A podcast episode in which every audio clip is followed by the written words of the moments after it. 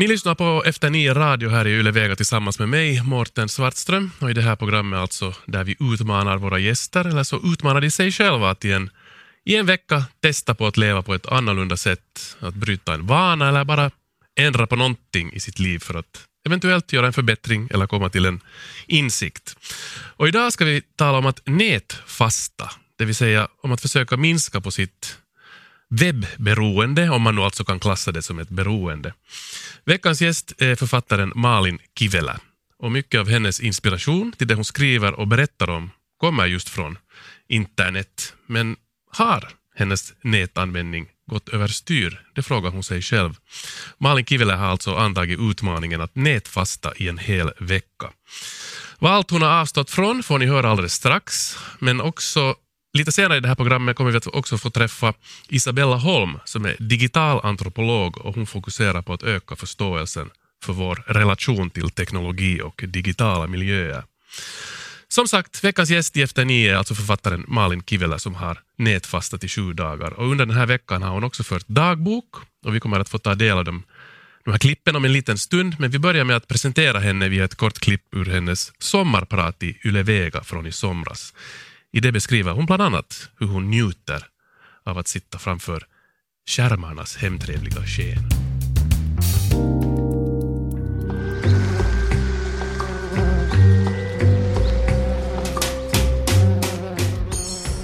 På bilden ligger en kvinna på ett golv, hopkurad på en filt. Hon är snarare ung än gammal, klädd i jeans och en tröja som ser lite spänd och stickig ut. Hennes hår är rufsigt med pannlugg. Hon blundar. Jag hittar bilden på en bekants bekants Facebook-sida där jag surrar runt på nätet i natten. Simona Kossak står det under den. Bara det. Är det kvinnan på golvet? Jag skriver Simona Kossak i mitt sökfält. Många polska sidor rullar fram. Många bilder. Och en artikel på stolp i engelska. Jag har börjat vaka allt senare om nätterna. Den varma datorn spinnande i min famn som en katt av trygg spänning. Oändligt hur man kan fara fram i cyberspace. Oändligt vilka tv-serier, filmer, ordböcker, bildserier, kriminaldiskussioner, sjukdomsbeskrivningar, gulliga kattvideos, chattgrupper man kan vindla sig in i, plocka luftiga bitar från. Huset sover. Bussar och nattspårvagnar far förbi. Jag äter popcorn och dricker Pepsi Max. Jag underhåller mig, unnar mig detta, även detta. Men jag är också alltid på jakt. Vampyrjakt. Hjärtligt välkommen författaren Malin Kivelä. Tack. Vampyrjakt. Jag måste Mm. genast fråga, vad alltså, det var ju jättefint beskrivet det här. Mhm. Vad avser du? Nå, därav så jag kanske det där att jag vill ha någonting att skriva om då för mitt jobb. Just det. Att något allt mer intressant och sen leder till något ännu mer konstigt och intressant. Mm, Och nätet är ju perfekt, en perfekt arena för det här, just det. den jakten. Men nu kan det ju också, det blandar ju in sig liksom i en vanlig sån nyfikenhet och sån Mm. att jag vill bli chockad, vill känna någonting eller jag är en sån vampyrjakt att rubba tristessen på något vis. Mm. Hur skulle du själv beskriva ditt förhållande till din skärmanvändning? Nå, jag ser ju liksom den här laptopen som typ ö, en kroppsdel, att det är ju liksom jag. Mm. Alltså det är nästan viktigare än jag, är min kropp. Eller liksom så här, den, där är liksom hela världen. Då. Och det, det här är ju det som jag tycker är lite sjukt faktiskt. Mm. Alltså jag, jag gillar ju internet, det är ju inte att jag tycker att internet borde, att vi borde gå tillbaka till tiden före internet eller så. Men, men någonting har liksom gått för min del lite för långt känns det som. Har du försökt, vad ska vi, vad ska vi använda för ord, Ja. Av- avvänja dig på något sätt eller? Nej. Nej. Eh, nej.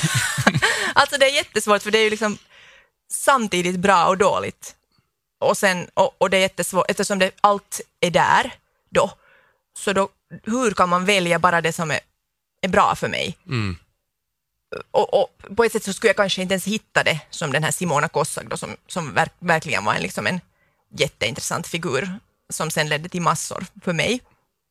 eh, som vi hörde där i sommarpratet, så inte skulle jag ju någonsin ha hittat henne om jag inte skulle ha varit inne på några onödiga sidor först. Liksom. Och så här, det, det är liksom en djungel. Mm. Mm. För min egen del så började det gå till det att det hade dåliga följder, alltså som att jag klickade upp Facebook så fick jag hjärtklappning. För att eh, det blev liksom stressigt redan att se hela den här Facebook. Det är ju ett, ett gigantiskt cocktailparty då. Mm. Och sen är jag ju ändå så att jag vill gärna vara trevlig och ta andra i beaktande. Men där är det ju om jag har 753 kontakter, så om jag ska liksom uppmärksamma dem alla, liksom att gilla dem, deras allas grejer som är helt på olika nivå också, för att visa att jag är liksom vänskapligt inställd, så, så, så blir det jättestressigt och, då, och så blir det ju så att jag kan inte, vad ska jag då missa, liksom att vilken av de här alla sakerna ska, kan jag missa utan att vara liksom fräck Mm. och allt det här. Och, och det antar jag ju att, att, att folk har olika liksom, sån här social ska vi säga, ansvarskänsla. Och jag har då kanske då ganska hög, att jag vill liksom visa mig välvillig åt alla håll. Och sen så gick det ju bara för långt. Liksom. Din så kallade coach Mm. inför det här programmet under den här veckan så var eh, digitala antropologen Isa Isabella Holm, som vi ska få träffa alldeles Mhm. strax också. Så hon bad dig kartlägga dina egna vanor Mm. när det kommer till nätet innan du, du började den här nätfastan.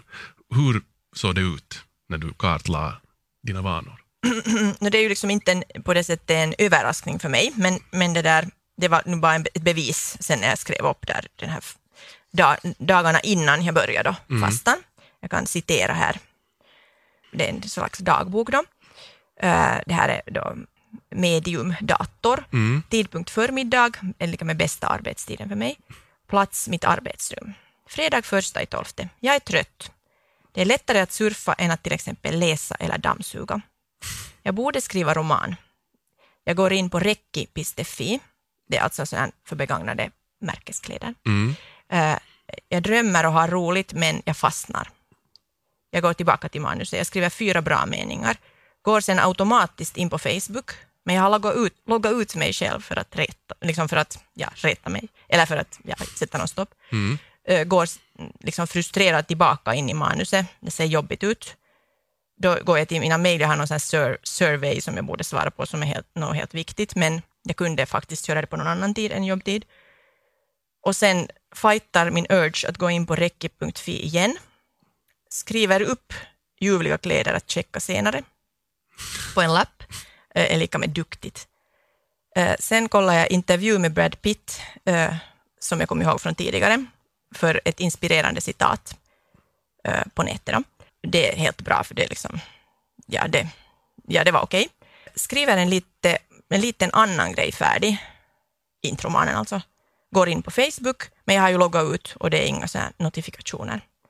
Jag går in på Yahoo Groups, motivering, det är liksom paus från arbete och jag vill liksom skriva av mig och preppla lite där i min grupp. Sen jobbar jag 15 minuter koncentrerat. Sen går jag genast in på mejlen och Facebook. Ja, så här. Så här håller ja, det på alltså. Kyllä. Så det är egentligen så fort du, du inte orkar skriva Ja. eller jobba Nu så fort jag inte så orkar hoppar liksom, du ut i, i cyberrymden istället. Ja. Och då är det ju att jag kan ju sitta där på min liksom en dag och göra allt det här. Mm. Och det är ju då både bra och dåligt. Men liksom mera då, kanske dåligt här. här. Du, har ju, du har ju också familj, du har fyra barn. Mm. Och hur, hur ser din familj på, på, på dina nätvanor? Nå, de, det Har här, de kommenterat det överhuvudtaget? Äh, verkligen inte att de, de är ju själva också likadana. nej. nej, men alltså det här händer ju, det här är ju som på arbetsrummet, på arbetstid. Att då ser de ju inte det här. Och ingen ser. ingen ser. Men, äh, men sen på kvällen så har jag ju också utvecklat, det här är en ganska, också en ganska, kanske det har blivit just värre över en ny grej, att som att jag måste se på Netflix, på en tv-serie liksom varje kväll. Jag står inte bara ut Okej. om jag inte får. Och då, det kanske lite stör det där hemmalivet. Liksom för då är jag så att snälla kan alla gå bara och sova nu, liksom bara vara tysta, sluta fråga och alltså lite så här irrite, irriterad som när man är beroende av någonting. det. Och det här är ju rätt oroväckande kanske. Mm. Det låter lite. Ja, men, men sen har jag ju jättemycket så motiver, liksom hur jag eh, motiverar det här för mig själv. Att jag, att jag är ju ändå vet du, en jättegod människa.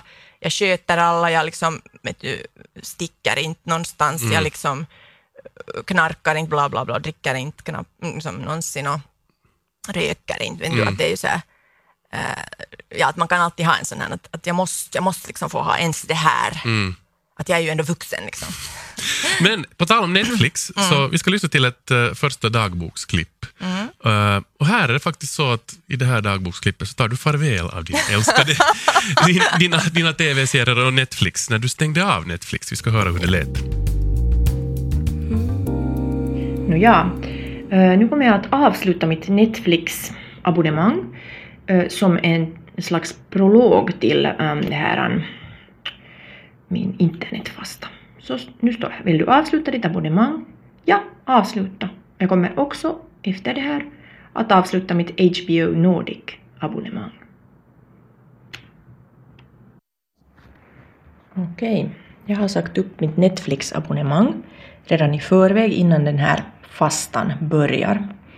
Mm, och ehm, sista dagen som det är i kraft nu då är idag.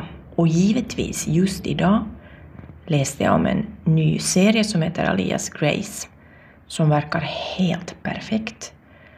Um, som just handlar om allt sånt som jag är intresserad av. Sinnessjukdom, mord, 1800-talet och bygger dessutom på Margaret Atwoods roman.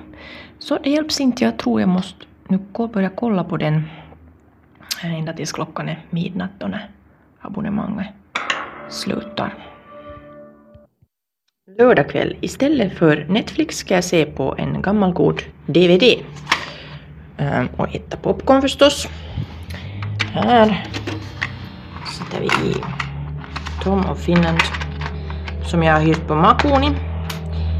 Kanske jag är en av de få människor som går till Makuni längre idag. Men jag älskar det faktiskt. Och nu har jag liksom riktigt en orsak att få se på en retrorulle. Så du kompenserar ditt eh, bortfall av Netflix med att istället gå och hyra en DVD och titta på en på TV helt enkelt. Ja, men det är faktiskt en helt annan sak. Är det så? Ja, det är alltså fysiskt en annan sak. Det är liksom, ja, och det känns annorlunda. Man är ju ändå i det där rummet med, på något sätt med de andra. Mm, Att när jag ser på typ Netflix, så då går jag liksom in någonstans för mig själv mm, och bara är där med den där liksom mysapparaten och helt onåbar då, liksom på något sätt. Jag tänker också på vanlig TV är också liksom en annan sak. mm, Att tidigare så, eh, jag och min sambo, så vi liksom satt där i soffan och liksom, mm, så råkade komma någonting och vi liksom såg på det tillsammans och det var liksom helt roligt. Ja, det här var liksom in the past. Då Ja, liksom. ja. Men nu sen när Netflix kom in i mitt liv så då har jag liksom lämnat honom där på soffan, han får titta på något han vill. Och, och jag liksom väljer exklusivt vad jag tittar på och när. Mm. Och det är kanske det som är liksom det här också med den här mo- moderniteten eller liksom Netflix och allt och internet och sånt att man, man står inte ut liksom med, med det här på något sätt slumpmässiga tristessen eller Mm. att man kanske, det kanske bara kommer skit från vanliga TVn utan man är att nej, jag står inte ut, jag tar genast den här som jag vet kommer vara jättebra, Just den. TV-serien. Och, och, och liksom, nu är det ju möjligt då att göra så. Mm. Och just för en person som mig, som alltid egentligen har velat eh, maximera på något sätt varje sekund av mitt liv, så klart det är väldigt lockande alltså. Mm. Be- Berätta lite, hurdana regler gjorde du upp för dig själv? Eller gjorde du dem tillsammans med Isabella Holm, att hur, hur du ska vara utan nätet helt enkelt i en vecka? Vad vad- vad var spelreglerna? Nej, det var nog liksom fritt för att det är för, ju, ändå för min skull och inte för på något bevi, liksom på det sättet bevisa någonting. Mm. eller så. Eh, jag hade liksom så här, uh, att uh, ingen liksom social media. På Ingen, en hel vecka? Ja. Ingen social media? Alltså ingen Facebook och ingen Instagram. Just det. Och det var liksom nummer ett för mig, för jag märkte att det kändes dåligt Mm. faktiskt att vara där. Uh, no, Och så var det sen- Netflix som du stängde av? Ja, precis. net, i, och ingen Netflix och, och det här HBO. Men så var jag så att, får jag se på den här Yle Arenan? Det var fråget, att liksom, frågetecknet. Mm. Men jag gjorde inte sen. Aha, okej. För det var, kändes ändå lite så att, att man cheatar liksom. Mm. Och sen kanske behövde jag inte för jag fick hitta den här friden. jag får till Makuni istället. Nåja. Uh, och sen fick jag liksom mejla och kolla den här Messenger då, eh, två gånger per dag. Mm. För att annars inte var det ju meningen att jag skulle typ isolera mig och inte kunna jobba, liksom att falla bort från alla jobb. Men det, det sket jag i faktiskt på dag två. utan jag började sen nog mejla när jag ville. Just För jag det. märkte att det var, liksom, det, Mm. det var onödigt. Ja, det blev som ett disciplin som inte hade någon funktion. Så. Just det. Mm. Och sen det här söka på internet, så i, i min tanke så tänkte jag att mina egna små sökningar som kanske gäller romanmanus eller något sånt, eller översättningar och sånt liksom, som jag håller på med massor. Så att fick jag göra det eller inte? Och egentligen tänkte jag att jag inte skulle göra det, men dag två så började jag ändå göra det. Just det. Okej. Utan att hata mig själv, att jag, ja, jag behövde det. Mm. Så, så här var det. Okej.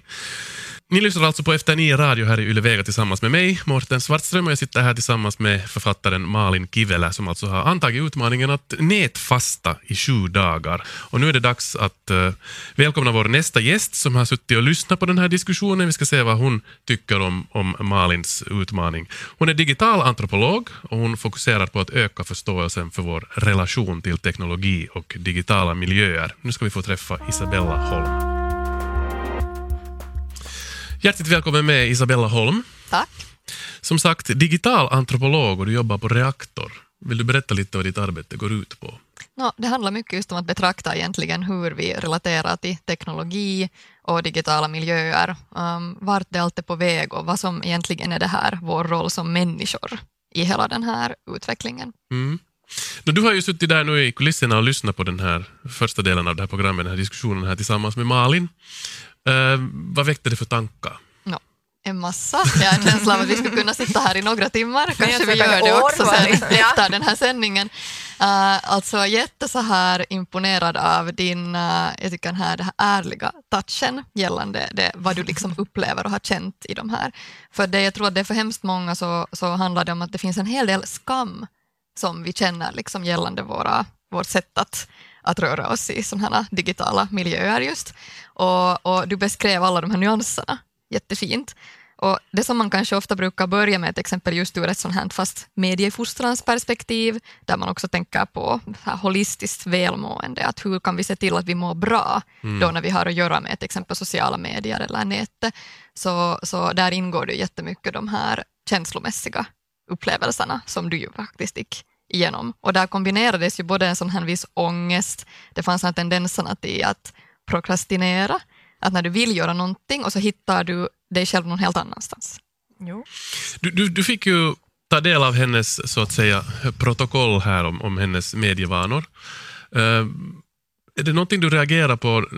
Tycker du att Malins konsumtion är måttlig eller är, den, eller är det för mycket, är det för lite? Liksom, hur, hur reagerar du när du fick reda på hur hon beter sig? Nej, Helt som jag. Nej, då, då måste jag då förstås, man utgår alltid från att det man själv gör är jättenormalt, så då kan jag ju inte säga någonting annat. Men ska vi säga att, att nog, nog hemskt så här, det låter ganska så här allmänt, ehm, på det viset just att, eh, att det finns en sån här, lite så här problematisk inställning till det och att det är svårt att få på något sätt den där medievardagen under kontroll. Och liksom svårt också att få ett hum om att vad vill jag egentligen? Att det är en sån ganska grundläggande frågor. Att, att, att på sätt och vis vill man liksom bara låta sig förföras, Mm. till exempel av den här Netflix-serien och bara låta sig liksom glida in dit i en helt annan värld för en längre tid. Uh, för det finns något jättespeciellt i att vara i ett sånt tillstånd, som också är Verkligen. givande. Ja. Men så finns det förstås TV-seriepassion. TV-seriepassion, precis. Vill jag Och- inte vara utan. och det är ju samma sak som att sjunka sig in i till exempel att vissa digitala spel kräver också det att man är i dem en längre tid innan du liksom är riktigt att de börjar ge allt det som de kan ge. Men sen finns det de här andra aspekterna som, som du pratade om där det liksom är mera sociala medier som avbrott. Eller att som, en, liksom, som något som fragmenterar din tillvaro och som liksom för bort ditt sinne från någon plats eller något tillstånd du egentligen hellre skulle vilja uppleva. Och det är kanske den som är ganska så svår att sätta fingret på. Men det, just det tänkte jag också, att, att just att på något sätt ta mig själv eh, på allvar som författare, det är ju det det liksom handlar om egentligen. Och där är liksom en smärtpunkt då, helt tydligt. Att istället så skojar jag med alla på Facebook liksom, för att, vad heter att jag läser och skriver och ingen får kontakt. Det är liksom en ganska stor sak. Och det är Okej. det enda jag måste göra liksom, för att få den färdig.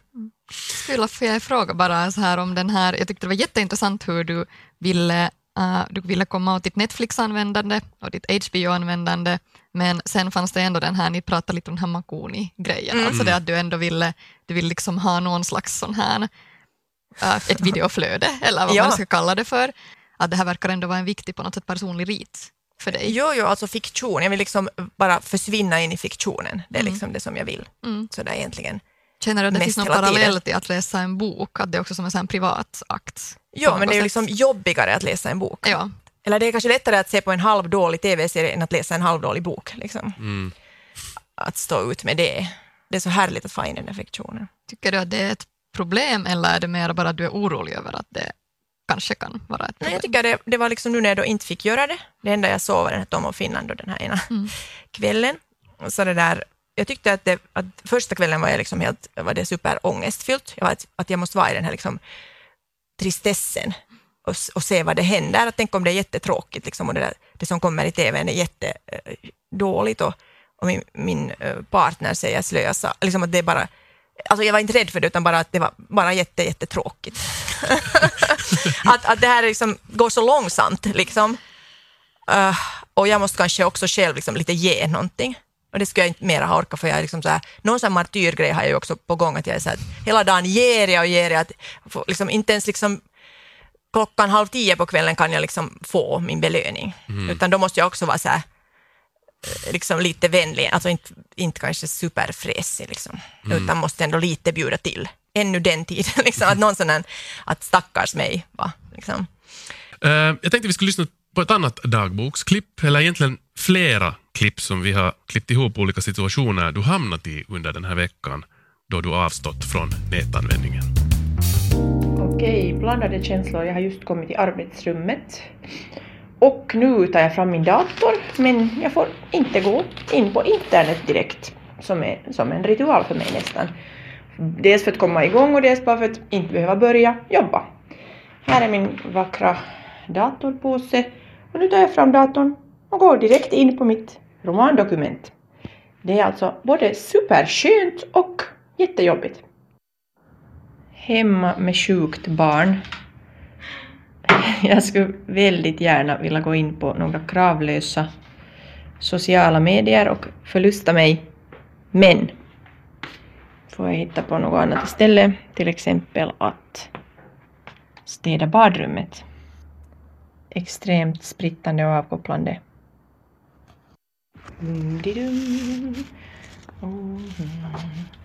Istället för att gå in på nätet dricker jag te ur en vacker kopp. Jag läser min eh, franska läxa från Arbis som jag alltid är efter med. Och läser lite högklassig eh, engelsk poesi. Där hörde vi lite exempel på situationer som du har råkat ut för. Och, där fick vi också den här bilden av att du ofta då, som vana, du börjar med, när du plockar fram datorn, så går du först på, ut på nätet och tittar och, och, och surfar och, och så vidare. Eh, men hur, hur känns det nu då? Eh, Hur har det känts den här veckan att inte kunna göra det här utan måste göra andra saker som vi hörde här? Måste gå ut i liksom, verkligheten. Ja, Eh, alltså, det var helt superskönt måste jag säga. Alltså, Riktigt på faktiskt. riktigt? Ja. Alltså jag, på något sätt så hittade jag tillbaka. Nej, men jag märkte ju att jag har nog ett sådant liksom lugn inuti kvar som, som jag verkligen behöver när jag ska skriva en roman. Att liksom någonting, att man, just att om man kör fast så är det bättre eh, liksom det känns bra att till exempel bara lägga sig ner en stund eller ähm, läsa lite någonting annat eller något sånt. Att, att det är inte så farligt att ha liksom, lite tråkigt, tvärtom. Och det här manuset också på något vis börjar gå framåt på ett annat sätt. Alltså det här är ju hemskt, att, att det är så här frälst, men alltså det var verkligen jätte, jätteskönt. Men Isabella, hur ska man veta när man konsumerar för mycket eller när det är ett, eventuellt ett beroende? Hur, hur, liksom, hur mäter man det här? Nå, ett beroende, då pratar vi om helt så här medicinska termer och det är väldigt få som faktiskt har den typen av beroende, men ovanor. ovanor och vanor. Alltså vad är en ovana i det här? Det är ju det som är frågan egentligen.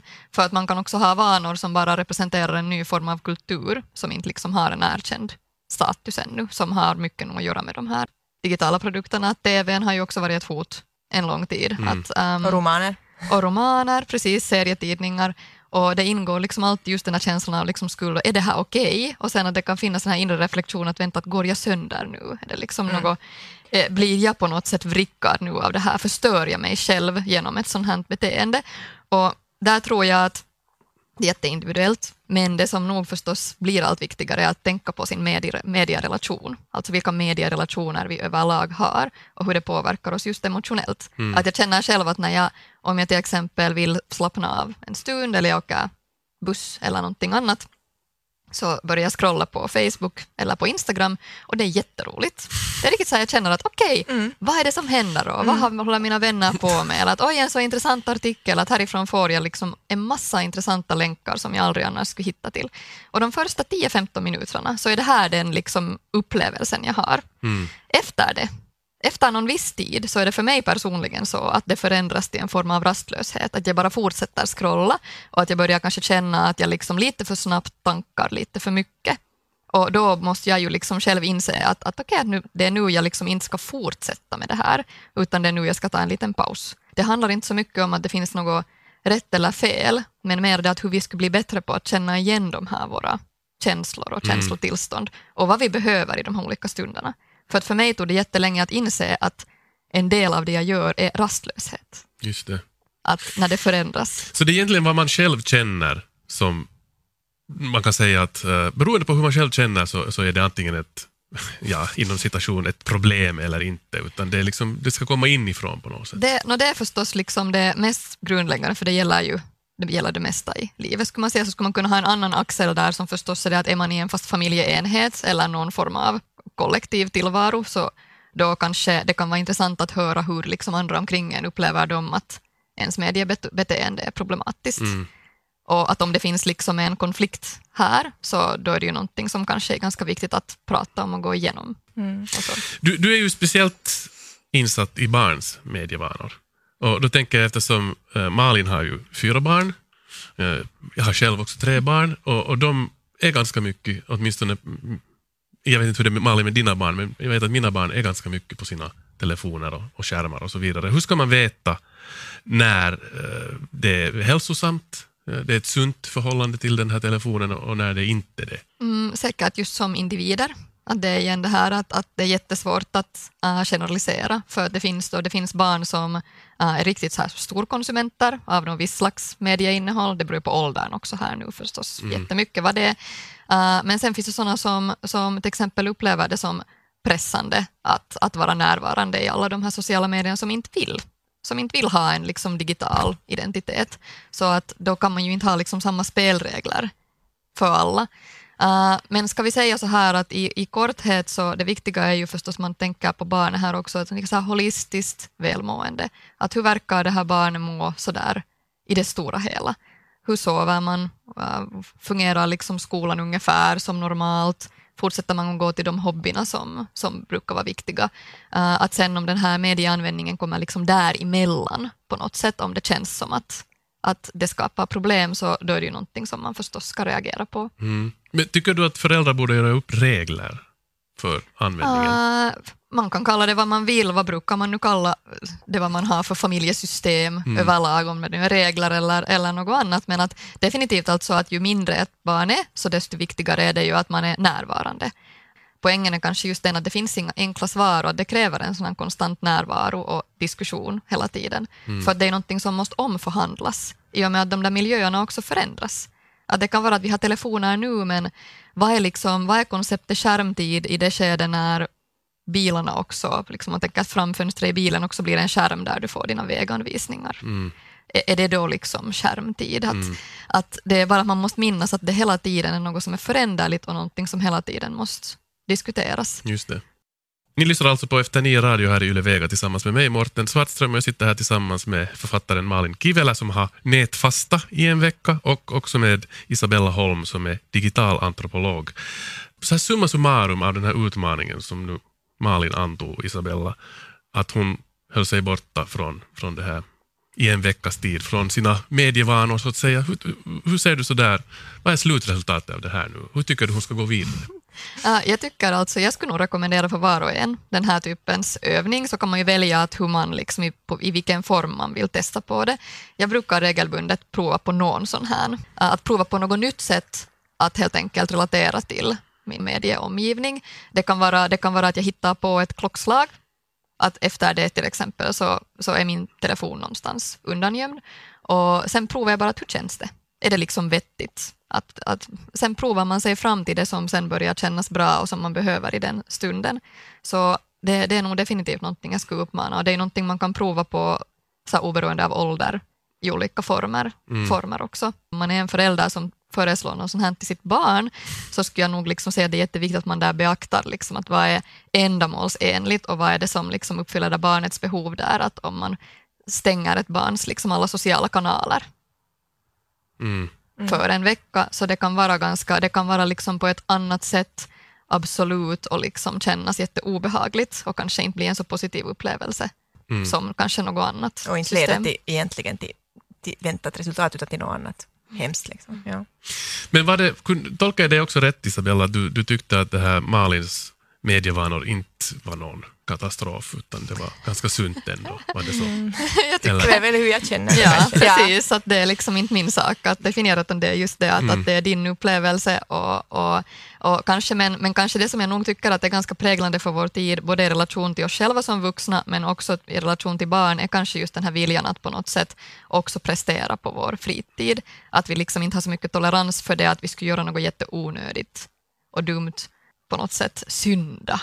Att det är en form av liksom modern synd också, mm. det här med att, att hänga på sociala medier. Mm. Så kanske det att man ibland också kan lite slappna av i sin inställning till sig själv, att som du sa att du är en god människa, att jag är helt okej, okay, jag drogar inte och så mm. vidare.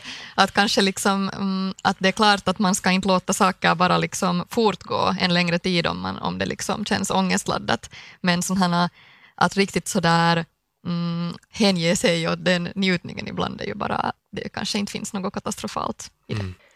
Sen finns det kanske en sån här överlag för någon som, som vill få bukt på att splittra medievardag, så det finns ju en hel del såna här små tricks som att det finns olika appar som du kan ha, ha på din laptop eller i din telefon, där det till exempel begränsas till en visst antal minuter eller till vissa klockslag då du kan använda olika slags appar eller besöka olika sajter. Mm. Så det kan också vara något som är ganska roligt att, roligt att prova på mm. för att, um, för det, ja, ibland kan man behöva den typens sådana fåniga regler för mm. att faktiskt ge någon en chans.